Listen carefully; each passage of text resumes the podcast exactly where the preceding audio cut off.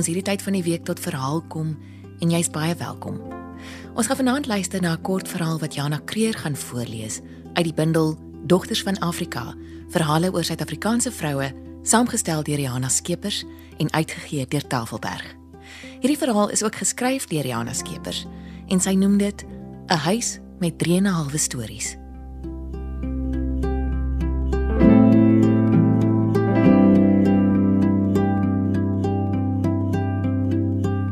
1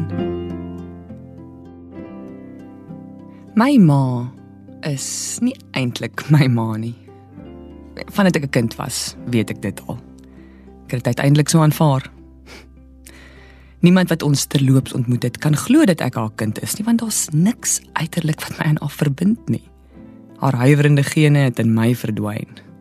Ek is blond en bruin van hierdie land se son en aarde. My lyf stoets my karakter met boere koppigheid bedeeld. Sy uh, sy is nie my ma nie. Ek behoort nie aan haar nie. Sy is nie regtig van hierdie land nie. Al is sy in Prieska gebore en en het sy met al die goeie dinge van hierdie land opgegroei. Die vrou van die groot sandsteenhuis op die plaas is sy ook nie.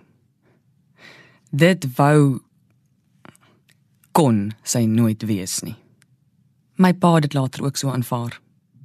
Sy het die huishouding aan die huishoudster oorgelaat en haar daar in die tuin deurgebring met haar boeke. Vreemde verhale wat sy agterna aan my sou oorvertel. Waarna ek gefassineerd sou sit en luister, maar waarvan ek weinig verstaan het. Die plekke, die die karakters se name het van onwerklike wêrelde vertel. Die gebeure fantasties weemoedige verhale was dit, sonder plan of einde en droewig mooi. Stories wat jy verstaan sonder om te begryp.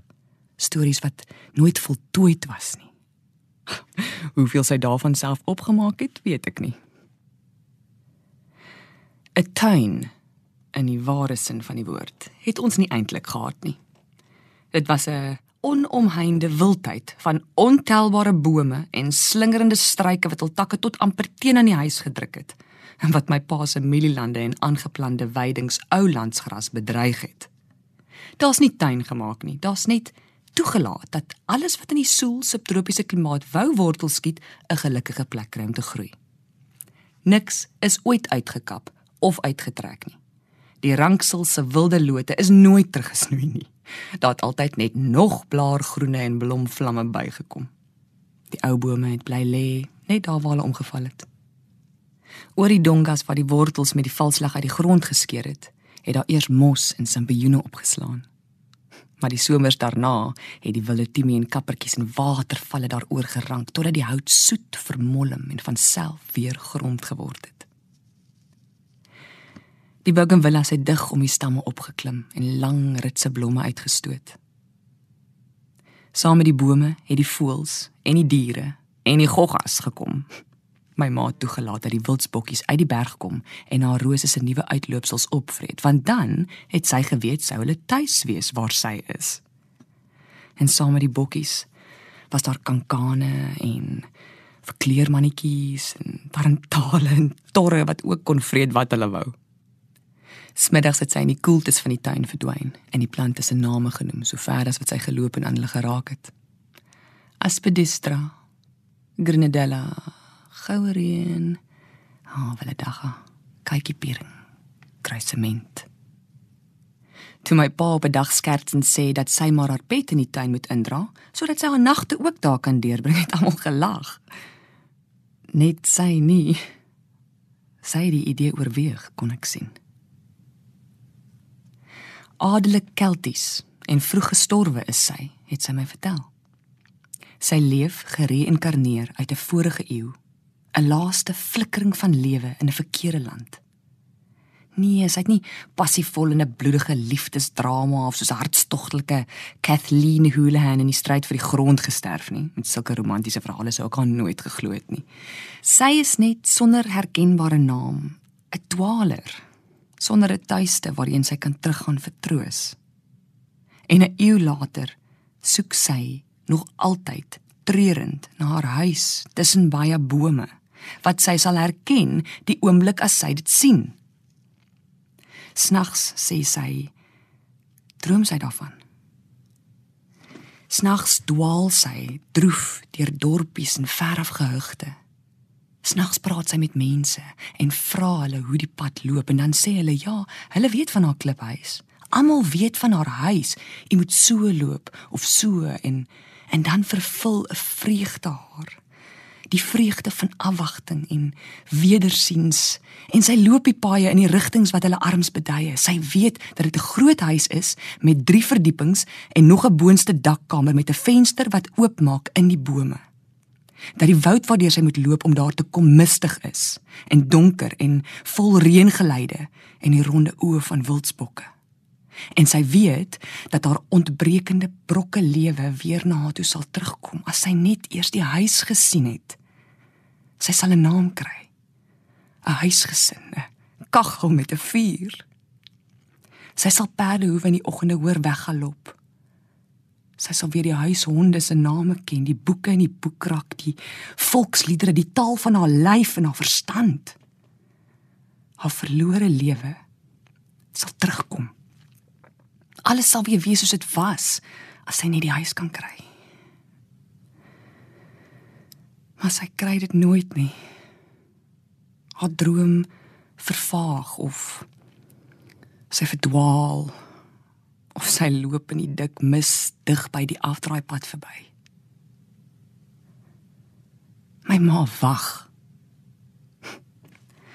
'n Paar maal het dit al gebeur as sy saam met my ry, erns onbenullig heen en sonder haas op grondpaaie dat ons in die nat misweer dig by die ingang van 'n donker laan ry. Lang suile donkerte van bome wat van agter 'n kliphek na roep. Sal sy dan mooi vra. Sal jy omdraai dat ons daar inry en gaan kyk? Ek kry haar lief en ek lag vir haar my mooi vreemde ma. Sonder om te te stribbel, draai ek dan om en maak onbekende mense se hekke oop en ry by nat lanings en opritte in omdat 'n kliphuis met 3 en 'n half verdiepings tussen baie bome dalk aan die einde daarvan sal staan sodat sy huis toe kan gaan. Maar nooit is dit haar huis nie.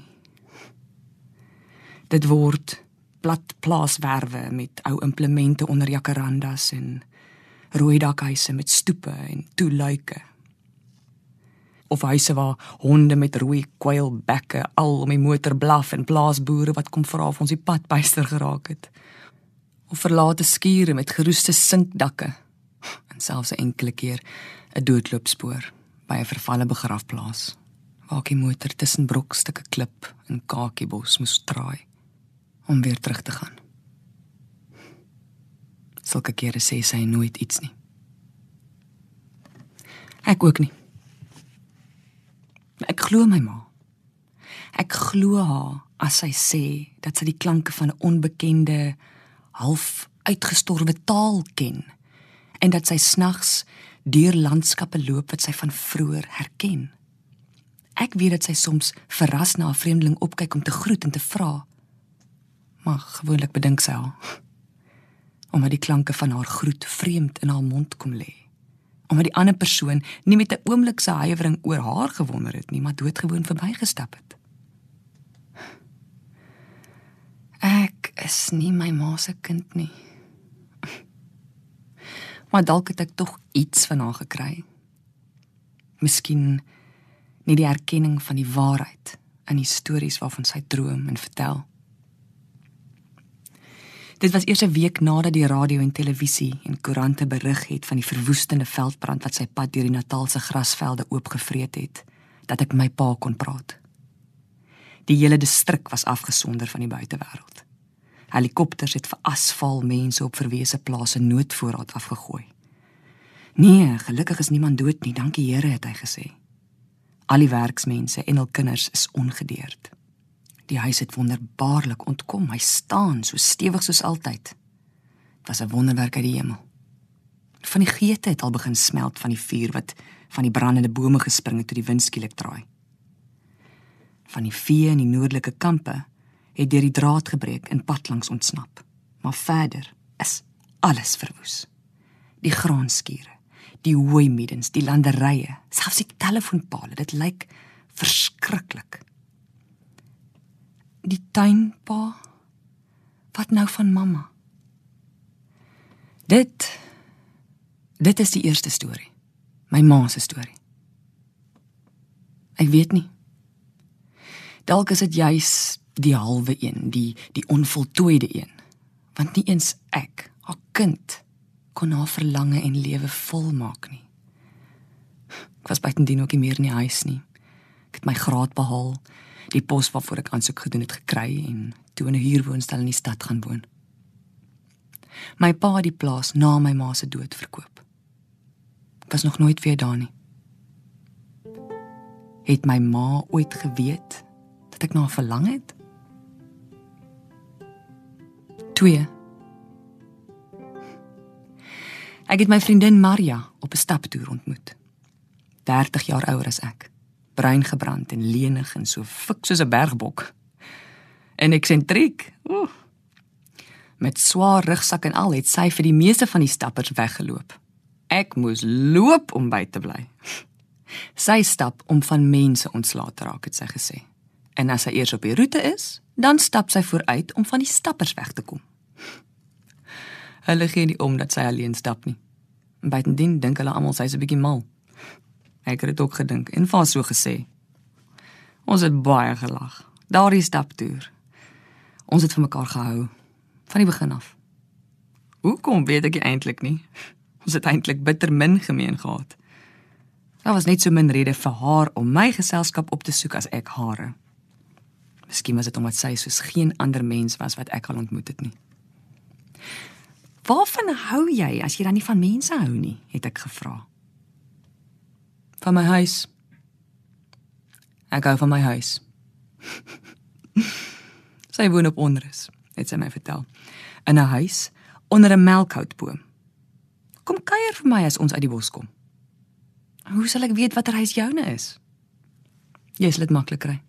Dis die pink huisie onder die melkhoutboom.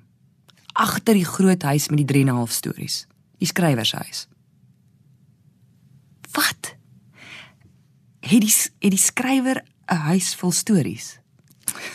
Moenie jou laf hou nie. Vandat ek 'n kind is, praat ons van stories. Dis tog goeie Afrikaans vir verdieping. ek is onderus toe. Toe ek eers die skrywer se huis met die 3 en 'n half stories gesien het, was dit maklik om die pink moesie huisie weggedruk onder die boom te kry.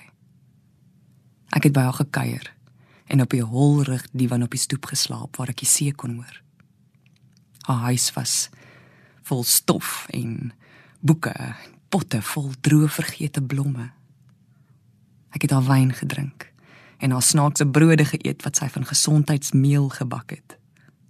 Ons het kaal in haar see geswem en mossels gepluk en saans het ek na haar verhale geluister. Sy het vertel van die see en hoe sy haar kind alleen grootgemaak het. Nee, sy is nooit getroud nie. Ek het baie kere teruggegaan na Mariana se huis. Ek het daar haar mooi geskeide seun met die grys oë ontmoet. Ek het hom lief gekry en met hom getrou.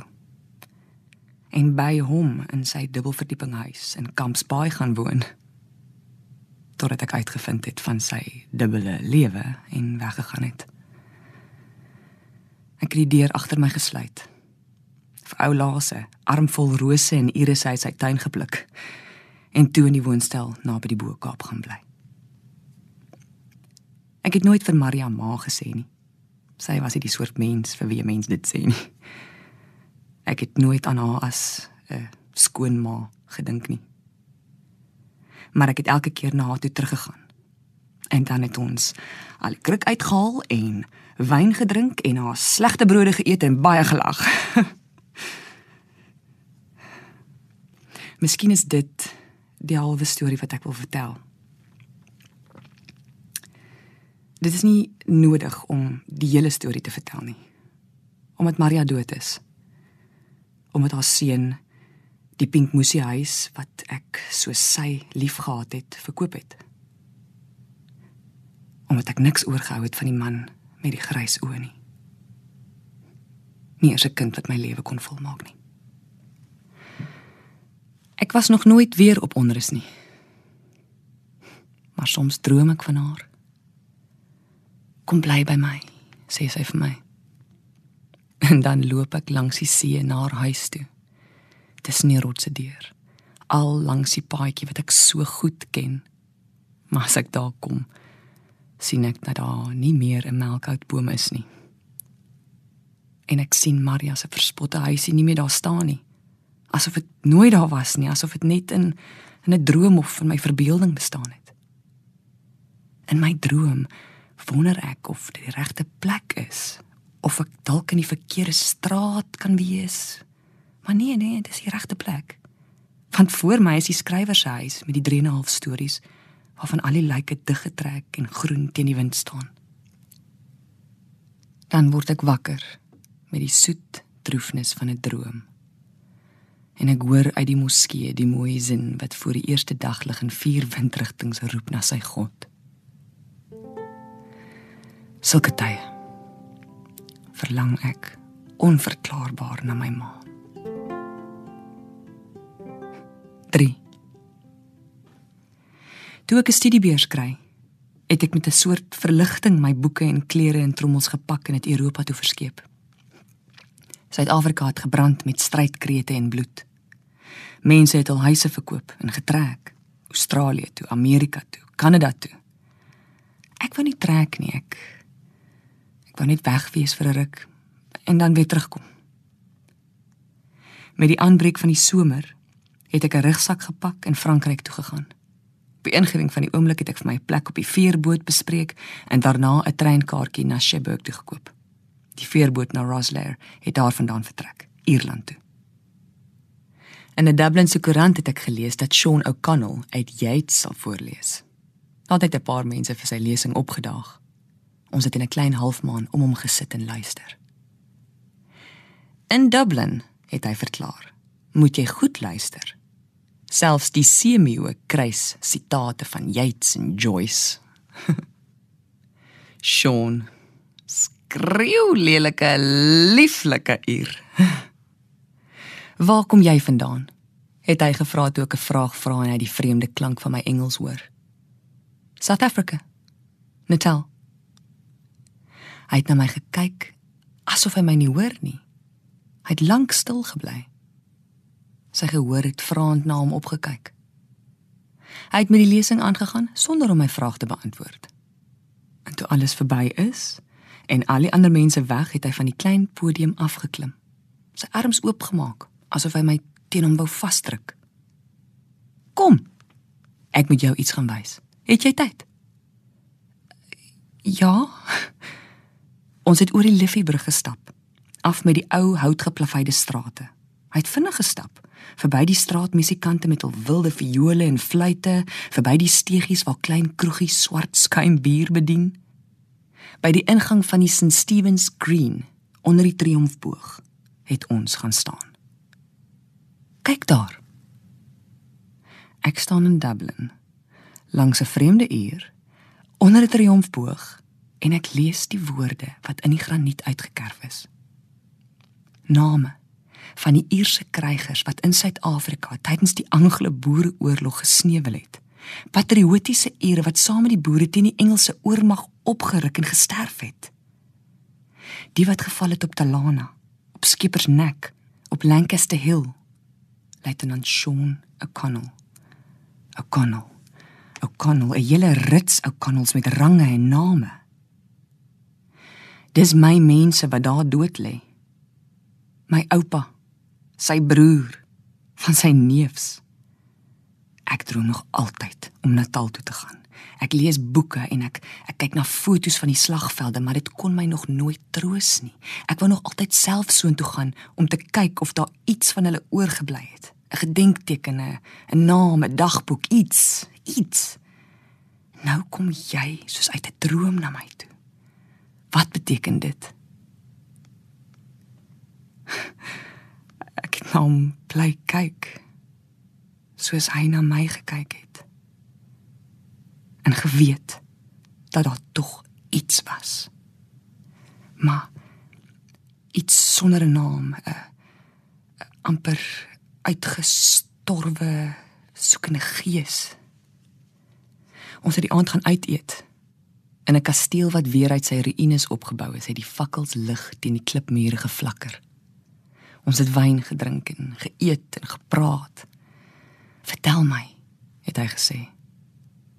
Ek het vertel van die Natalse heuwels en die kankane se roep in die mis, van Willetrix vybosse in die Impondulu wat daar nes gemaak het.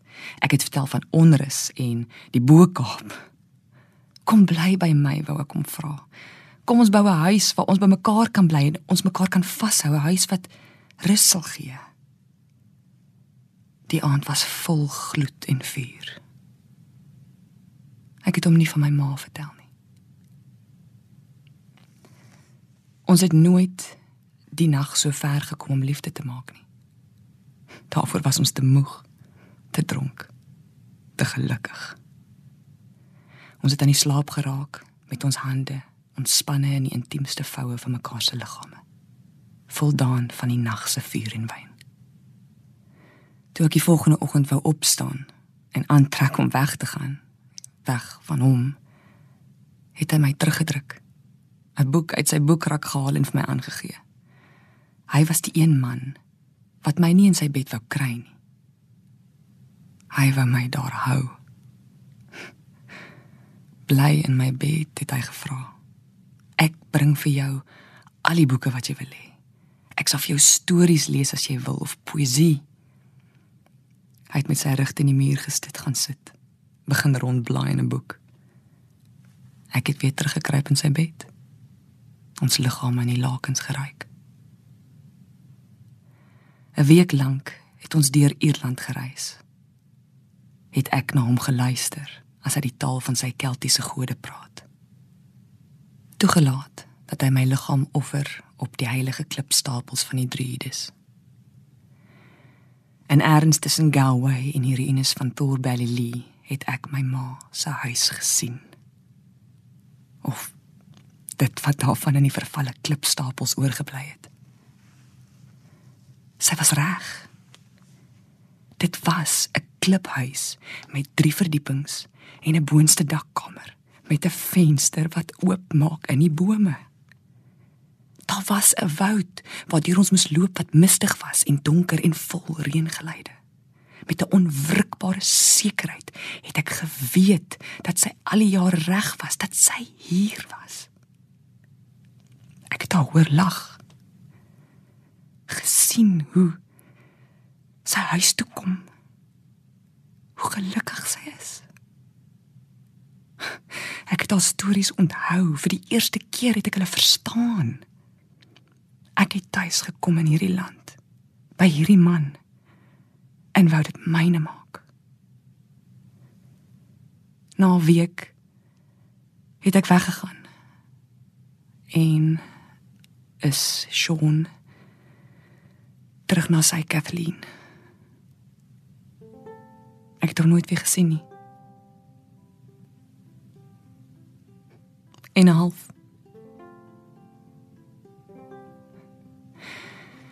Ek het geweet dat ek hom sal koop toe ek die huis met die dakkamer sien.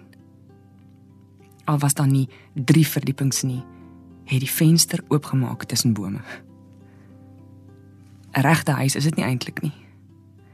Net die helfte van die huis behoort aan my.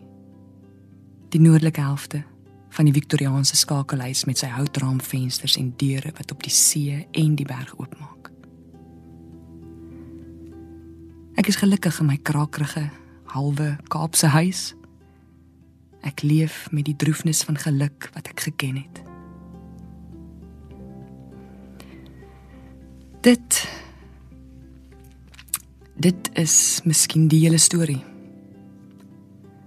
want geluk is maar 'n slegte gegewe vir verhale.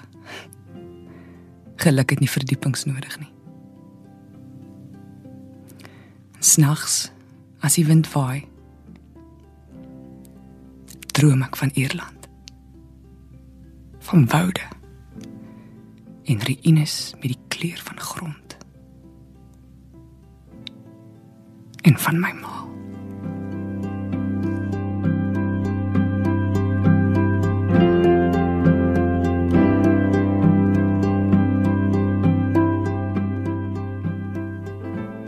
Dit was die verhaal 'n huis met 3 en 'n halwe stories deur Jana Skeepers. Jana Kreer het dit voorgeles. 'n Mooi aand vir jou. Tot volgende keer.